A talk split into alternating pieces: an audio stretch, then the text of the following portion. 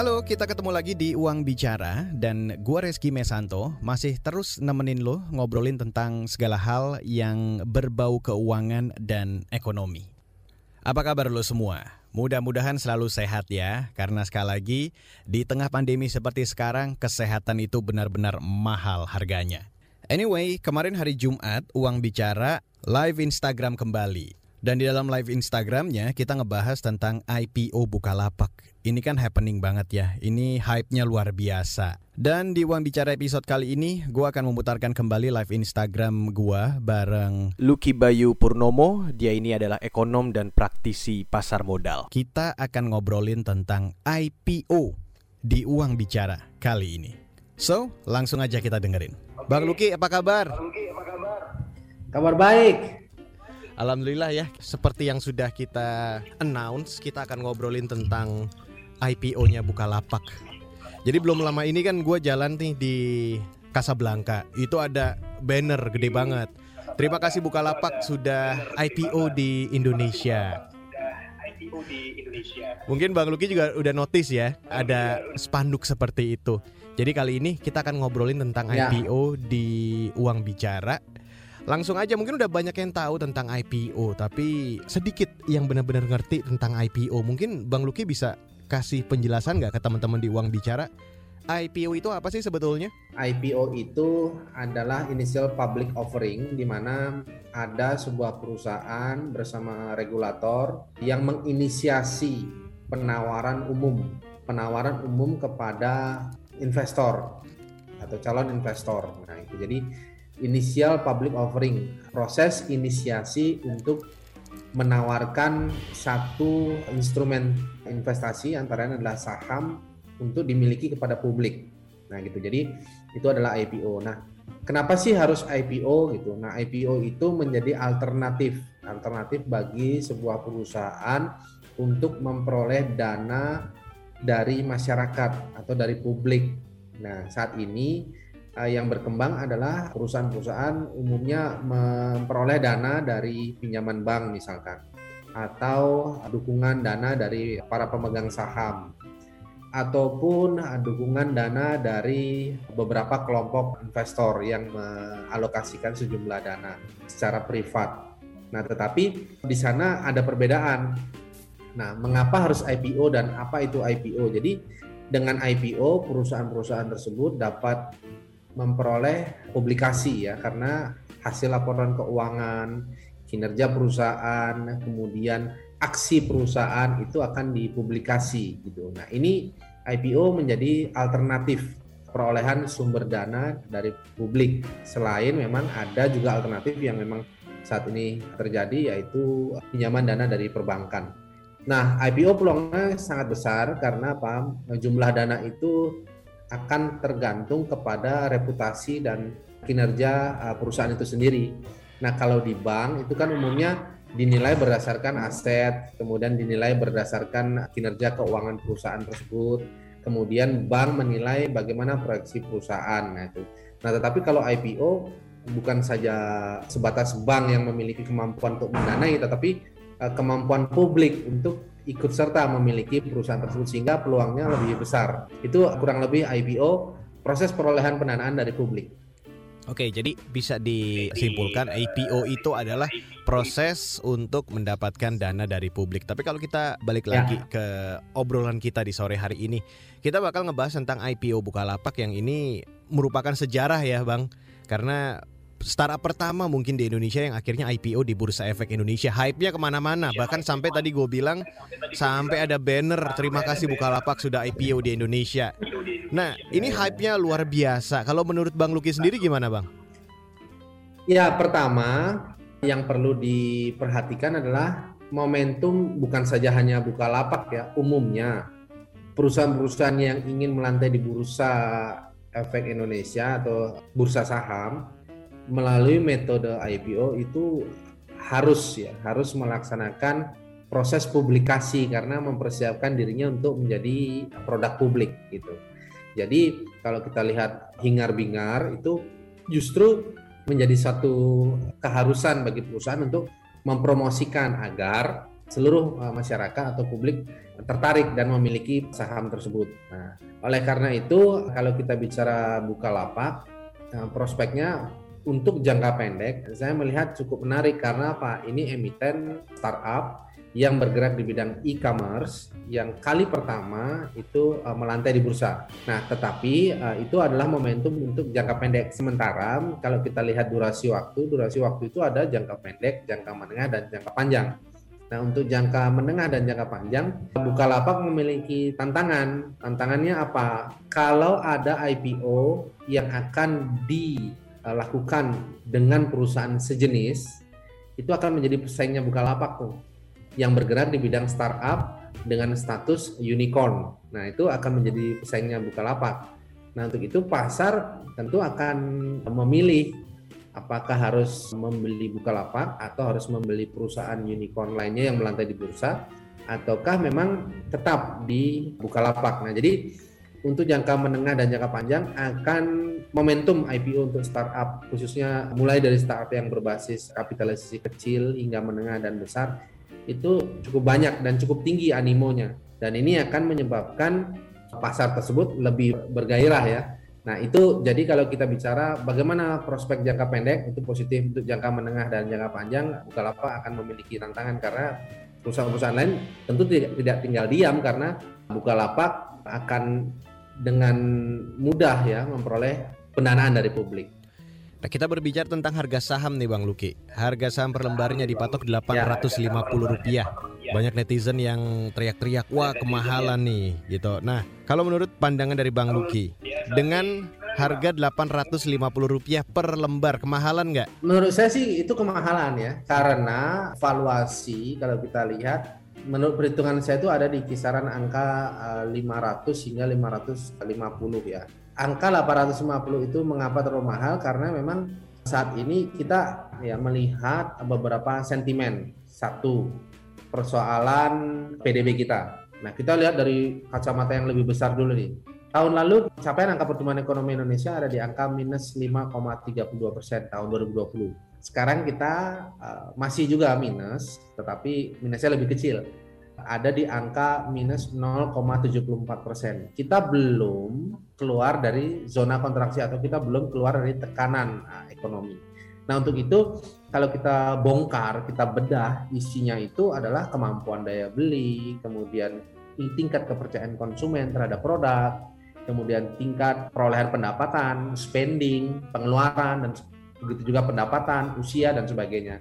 Nah untuk itu dengan beberapa pertimbangan maka 850 itu angka yang relatif tinggi ya, relatif tinggi dan ini ya sah-sah saja karena kan perusahaan menghitung ya secara goodwill ya, secara goodwill memiliki nilai masa depan ya, memiliki present value atau nilai di masa yang akan datang. Nah, untuk itu menurut saya tidak masalah sebenarnya harga ini relatif mahal Lalu, apakah kita harus sembunyi dari kesempatan ini? Nah, menurut saya eh, kita bisa ikut terlibat dalam satu momen ini, tetapi sekali lagi profil resikonya harus dipahami. Memang kita tidak dianjurkan untuk memiliki satu metode transaksi yang bersifat jangka menengah dan jangka panjang. Karena apa? Karena kita perlu menunggu ke depan. Saya memperkirakan banyak nih, eh, bukan hanya unicorn tapi IPO IPO startup yang akan melantai di bursa karena Nah, itu sekali lagi Bukalapak ini menjadi salah satu potret bahwa sebenarnya Bursa Efek Indonesia sudah mendukung startup di bidang e-commerce untuk melantai di bursa. Nah, itu pendapat saya mengenai harga. Jadi kita lihat eh, mahal itu wajar, yang penting belum tinggi gitu. Ini menariknya walaupun dibilang sama Bang Luki agak kemahalan ya dengan angka 850 rupiah per lembar tapi hari ini kan hari terakhir sistem offering alias penawaran saham perdana, tapi ternyata sudah udah disebut oversubscribe alias laris manis saking banyak yang minat. Ya, jadi masuknya nanti katanya akan menjadi sistem penjatahan. Nah, ini menjadi bingung nih, Bang. Sistem penjatahan itu maksudnya semuanya pasti kebagian atau gimana nih? Yang dimaksud oversubscribe itu adalah ya kalau kita mau lihat dengan bahasa yang sederhana apa yang di offering, apa yang ditawarkan itu sudah mencapai batas optimal gitu. Jadi sudah ada batasan utama dan mencapai batas paling tinggi sehingga oversubscribe. Nah, jadi sisa yang tidak memperoleh jatah atau yang tidak memperoleh bagian untuk memiliki itu bisa nanti membeli di pasar langsung, pasar pada kali pertama pembukaan Bukalapak dan itu dia bisa membeli di pasar uh, reguler atau pasar uh, saham secara online gitu. Jadi subscriber itu memang sudah penuh jatahnya, sudah sudah sampai kepada titik optimal. Nah, itu yang dimaksud dari pengertian oversubscribe. Nah, bukan berarti nah, kita tidak dapat jatah, kita juga bisa dapat memiliki. Justru anjuran saya itu melihat nih pada kali pertama jam 10 atau jam 11 itu bagaimana kondisi Bukalapak, harganya berapa? Bisa jadi yang namanya sebuah proses tawar menawar bisa jadi di atas 850, bisa jadi 900, bisa jadi 1000 atau bisa jadi ada di angka let's say 700 ataukah 725. Nah, sebenarnya pendekatan itu dapat dilakukan oleh karena apa? Kita ingin melihat bagaimana sih sebenarnya ketika Bukalapak ini benar-benar diadu di market siapakah yang paling kuat antara pembeli atau penjual di sana. Nah, kita uh, dapat lebih mudah sebenarnya menemukan harga yang uh, lebih efisien ketika IPO. Nah, itulah tujuan mengapa hari pertama adanya IPO. Ini baru resmi melantai tanggal 6 nanti nih, Bang. Ini pertanyaannya mungkin di ada dua pertanyaan akan digabung nih. Prediksi Bang Luki gimana nih nanti setelah resmi melantai di tanggal 6 tadi sempat disebutkan juga kalau bisa jadi 900, bisa jadi 1000 atau bahkan bisa 700, 725. Nanti melihat tanggal 6 kira-kira proyeksinya Bang Luki gimana? Dan kira-kira euforia ini bakal everlasting, bakal panjang nggak atau gimana Bang? Jadi perayaan kontes ini itu akan ada di hari pertama nih. Jadi bursa itu dibuka dalam dua sesi.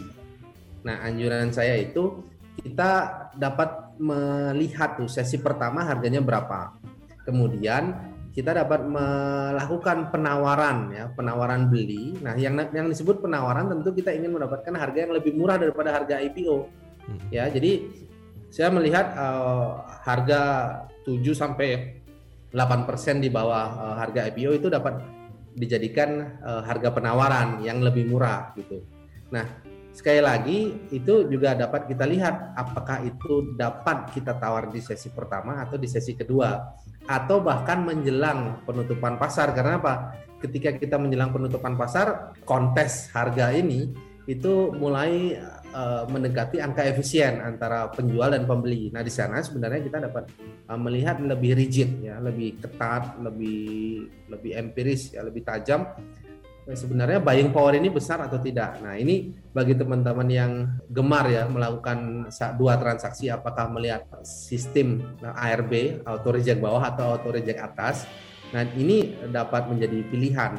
Nah, kemudian yang kedua, bagaimana kalau arah reject atas? Ya, kita bisa lihat di di hari kedua bukan berarti kita hilang kesempatan tapi Eh, kalau hari pertama arah itu belum tentu menjadi satu sentimen untuk uh, hari berikutnya karena wajar ini adalah kontes di hari pertama. Nah kita kan dalam hal ini kita ingin melihat sebenarnya pertandingan antara penjual dan pembeli untuk menawar proses ini. Jadi anjuran saya kita menantikan di proses IPO pasar reguler, pasar perdana, kemudian uh, kita menawar uh, Bukalapak di bawah harga 850 Eh, kemudian eh, kita juga melihat secara rasional jangan menawar terlalu rendah karena memang kita juga tidak ingin mem, apa, kehilangan kesempatan pada dasarnya. Yang perlu dicatat adalah ini satu prestasi sebuah unicorn, begitu juga prestasi bagi lingkungan dan ya kondisi di pasar modal kita untuk mendorong uh, IPO startup di bidang e-commerce unicorn untuk melantai di bursa. Jadi itu yang strategi yang perlu kita lakukan. Jadi jangan antipati, tapi kita tetap melihat kesempatan dalam proses IPO ini. Nah ini baru akan listing di tanggal 6 nanti Kita belum bisa banyak prediksi Tapi menurut Bang Luki sendiri Ini lebih baik untuk trading Atau bisa juga buat investasi nih Bukalapak nih Jadi Bukalapak itu dianjurkan untuk trading ya Bukalapak dianjurkan untuk trading. Nah, kenapa sih syarat-syarat syarat-syarat trading itu ada dan kenapa sih latar belakang anjuran trading itu ada? Karena memang uh, secara likuiditas uh, Bukalapak ini nanti memiliki volume transaksi yang tinggi. Karena apa? Karena basis usahanya saja, nilai bukunya saja itu uh, sudah masuk ke kategori unicorn. Nah, itu yang pertama. Kemudian yang kedua, karena ini momentum pertama, jadi yang disebut momentum pertama itu ya ini mungkin kalau dikatakan lagi cinta-cintanya orang dengan industri ini karena memang ini adalah satu uh, model yang pertama yang ditawarkan di uh, Indonesia. Sehingga ini uh, cukup menarik. Dan yang kedua kalau kita lihat di luar negeri baik itu eBay, kemudian Amazon, kemudian Alibaba itu cenderung lebih stabil setelah tiga bulan pertama itu. Tiga bulan pertama itu sudah mulai kita bisa lihat. Nah, jadi keputusan investasi itu sebaiknya dianjurkan untuk transaksi jangka panjang setelah ya setelah minimal setengah tahun kinerja Bukalapak melantai di bursa. Masih banyak yang akan gue obrolin bareng Bang Luki di Uang Bicara kali ini. Pastinya masih seputar IPO. Kira-kira bakal bermunculan lagi nggak ya startup-startup teknologi yang akan IPO di Indonesia? Selengkapnya ada di bagian selanjutnya, jadi jangan ke mana-mana, tetap di Uang Bicara.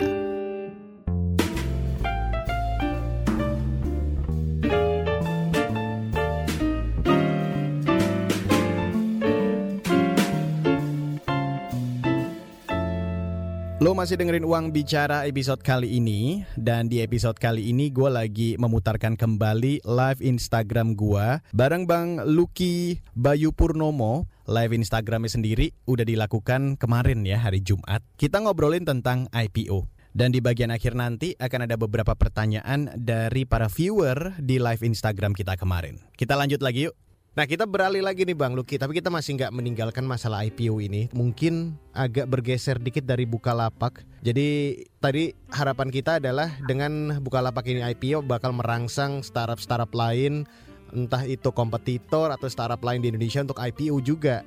Nah ada dua startup yang baru merger, ini luar biasa ini.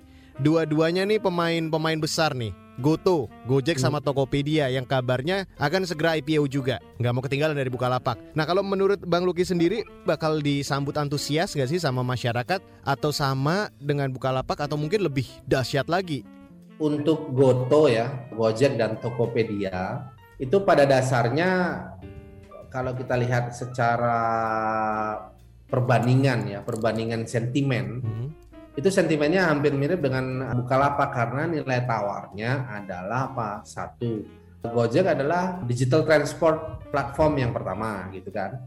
Nah, kalau kita bicara marketplace ataupun e-commerce eh, sekarang lebih dari hanya eh, sekedar Bukalapak dan Tokopedia masih banyak lagi gitu. Jadi nanti alat tawarnya adalah sebenarnya integrasi. Apakah integrasi antara startup tersebut mampu meningkatkan kinerja keuangan yang lebih efisien gitu. Jadi buat apa merger kalau tidak uh, meningkatkan efisiensi? Contohnya buat apa merger kalau uh, tidak ada peningkatan laba? Karena kan tujuannya tadinya nganter uh, barang memesannya secara terpisah, kemudian sekarang dengan merger plug-in kan langsung bisa digabung. Oke, ketika beli barang di marketplace nanti bisa langsung diantar misalkan gitu. Jadi uh, ke depan itu yang dinilai oleh pelaku pasar secara utuh itu adalah bagaimana sebenarnya mereka dapat melakukan efisiensi. Karena apa? Tujuan startup itu sekali lagi bagaimana intangible ya. Intangible secara aset tapi tangible secara duit nih.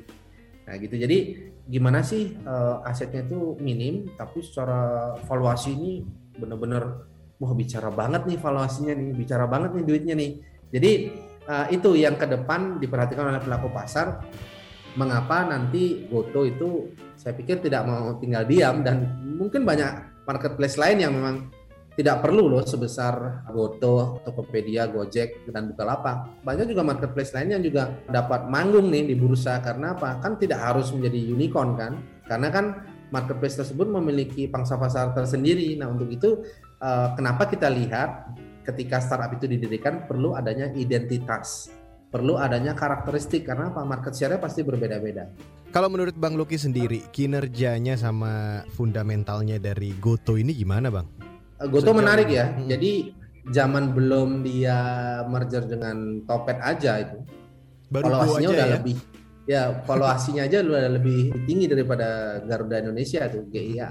Karena apa? Cukup menarik kan? Garuda Indonesia punya pesawat, Gojek oh ya dapat dikatakan motor pun nggak punya, yang punya mitranya gitu. Mm-hmm. Tapi valuasinya bisa lebih, lebih sama bahkan lebih dari Garuda Indonesia. Nah, apalagi kalau dia merger dengan uh, Topet gitu. Jadi sebenarnya um, kalau kita mau melihat uh, Goto ke depan harusnya cepat-cepat IPO biar menjadi jawaban nih bagi teman-teman yang penasaran bagaimana sih kita menjadi startup investor melalui proses IPO gitu. Lebih cerah nggak kira-kira nanti kalau Goto beneran akan IPO? Terutama likuiditas bursa akan memperoleh apresiasi karena uh, transaksi jual dan beli akan tinggi. Kemudian yang kedua, persaingan akan jauh lebih sengit karena ada dua. Jadi kalau kita lihat satu kontestan naik ke panggung kan mungkin dia hanya uh, binaragawan ya artinya memperagakan uh, dirinya sendiri. Tapi nanti kalau ada pesaing, ya kita bisa lihat itu sebagai ajang kontestasi yang sportif di ring tinju di mana ada siapa yang dilawan dan siapa yang melawan. Nah itu akan menyebabkan pasar lebih efisien satu. Kemudian yang kedua harga lebih ekonomis. Kemudian yang ketiga eh, para pelaku pasar juga melihat ini satu kondisi yang kompetitif yang baik bagi kedua belah pihak antara bukan hanya Goto dan Bukalapak tapi bagi lingkungan uh, startup yang melakukan kegiatan e-commerce uh, untuk lebih meningkatkan daya saing ya, nilai yang lebih kompetitif. Wow, ini bakal jadi seru ya karena trennya mungkin bisa dibilang nggak sih Bang kalau tren-tren startup-startup di Indonesia nantinya at the end ini akan berlomba untuk bisa IPO karena kan sekarang beberapa perusahaan startup aja yang dengar-dengar ya kayak seperti JNT Express, kemudian Traveloka, ini juga sudah bersiap-siap mengikuti jejak Bukalapak. Benar nggak sih yang saya bilang tadi masa depan eh, startup-startup teknologi ya khususnya ya di Indonesia ini akan maju pesat khususnya pada IPO semua gitu. Ya, jadi itu eh, ke depan fenomena ini sebenarnya dapat terjadi ya karena memang eh, kita tahu secara environment itu perusahaan-perusahaan sudah melakukan transformasi di bidang digital. Jadi bukan tidak mungkin nantinya lebih antusias transaksi itu ada di perusahaan startup karena apa? Kita lebih jauh dari memori memori 10 tahun yang lalu atau 20 tahun yang lalu di mana kita harus melihat uh, nilai asetnya berapa, kemudian uh, rasio hutangnya berapa, kemudian kemampuan uh, perusahaan itu mengelola risiko itu seperti apa. Itu lebih lebih jauh daripada itu sekarang sudah bergeser eh, metode pendekatan juga sudah bergeser apa sih inovasi perusahaan ini ke depan eh, kemudian ini perusahaan mau melakukan integrasi atau monetizing ke apa lagi sih jadi yang akan kita alami itu adalah apa nanti eh, pesta integrasi pesta monetizing dan itu akan menjadi satu budaya baru tuh dalam Uh, melakukan transaksi di mana perusahaan-perusahaan yang memiliki satu integrasi atau satu konsep usaha yang terpadu itu yang akan lebih unggul dengan syarat karakternya harus jelas. Coba bang, kasih tips uh, terutama bagi investor retail nih ya. Apa saja yang mesti diperhatikan saat mau beli saham-saham teknologi yang tadi kita bicarakan beberapa startup teknologi ini bakal bakal IPO nih. Tips yang pertama adalah fundamental perusahaan tersebut harus stabil atau cukup baik. Tidak harus untung ya, tetapi stabil. Stabil itu artinya mampu mengelola resiko ya. Itu yang pertama. Kemudian yang kedua, eh, perusahaan tersebut harus memiliki rasio-rasio yang sesuai atau yang mendekati industri ya atau eh, kondisi keekonomian. Itu yang kedua.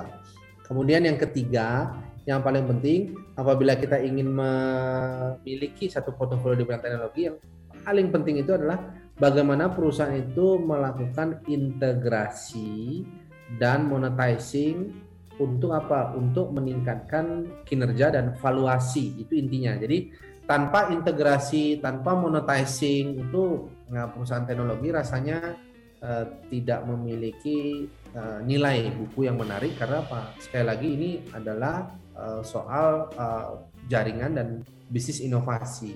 Uh, semakin banyak mereka memiliki integrasi dan semakin banyak mereka melakukan monetizing, itu akan menjadi uh, tips ya untuk melakukan transaksi di perusahaan-perusahaan uh, teknologi. Oke, Bang Luki, ini ada yang bertanya, saham buka kan masuk list saham syariah. Kira-kira bagaimana efeknya? Apakah akan diminati investor nantinya?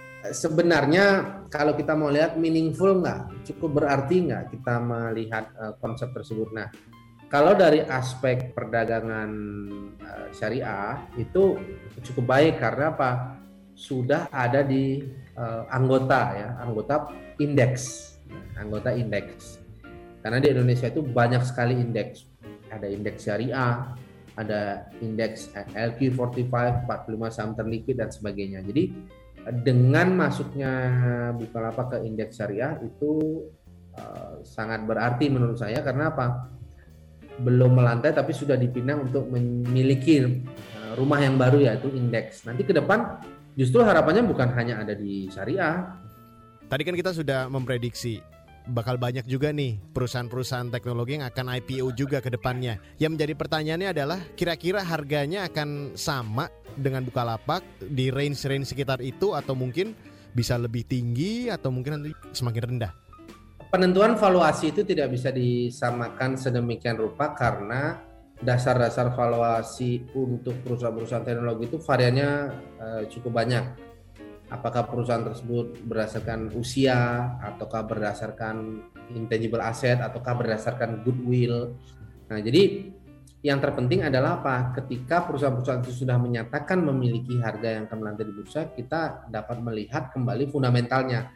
Apakah harga yang dirilis itu sesuai dengan kinerja fundamental? Begitu juga kinerja fundamental apakah sudah layak memberikan representasi atas harga yang sudah dirilis. Jadi konsepnya kita harus semua balik kepada uh, fundamental perusahaan tersebut dan kata kunci fundamental seperti yang tadi uh, tiga tips tadi ya itu adalah uh, satu strategi untuk kita melihat oh bagaimana sih kira-kira perusahaan-perusahaan teknologi ini memiliki valuasi yang terlalu mahal atau yang terlalu murah itu sekali lagi berdasarkan kinerja fundamental.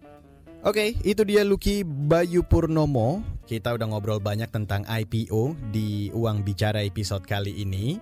Sampai di sini dulu episode Uang Bicara kali ini dan buat lo yang punya kritik dan saran jangan pernah ragu untuk langsung kirim email ke podcast at kbrprime.id. Gue Reski Mesanto undur diri. Tetap sehat, tetap bahagia. Bye-bye.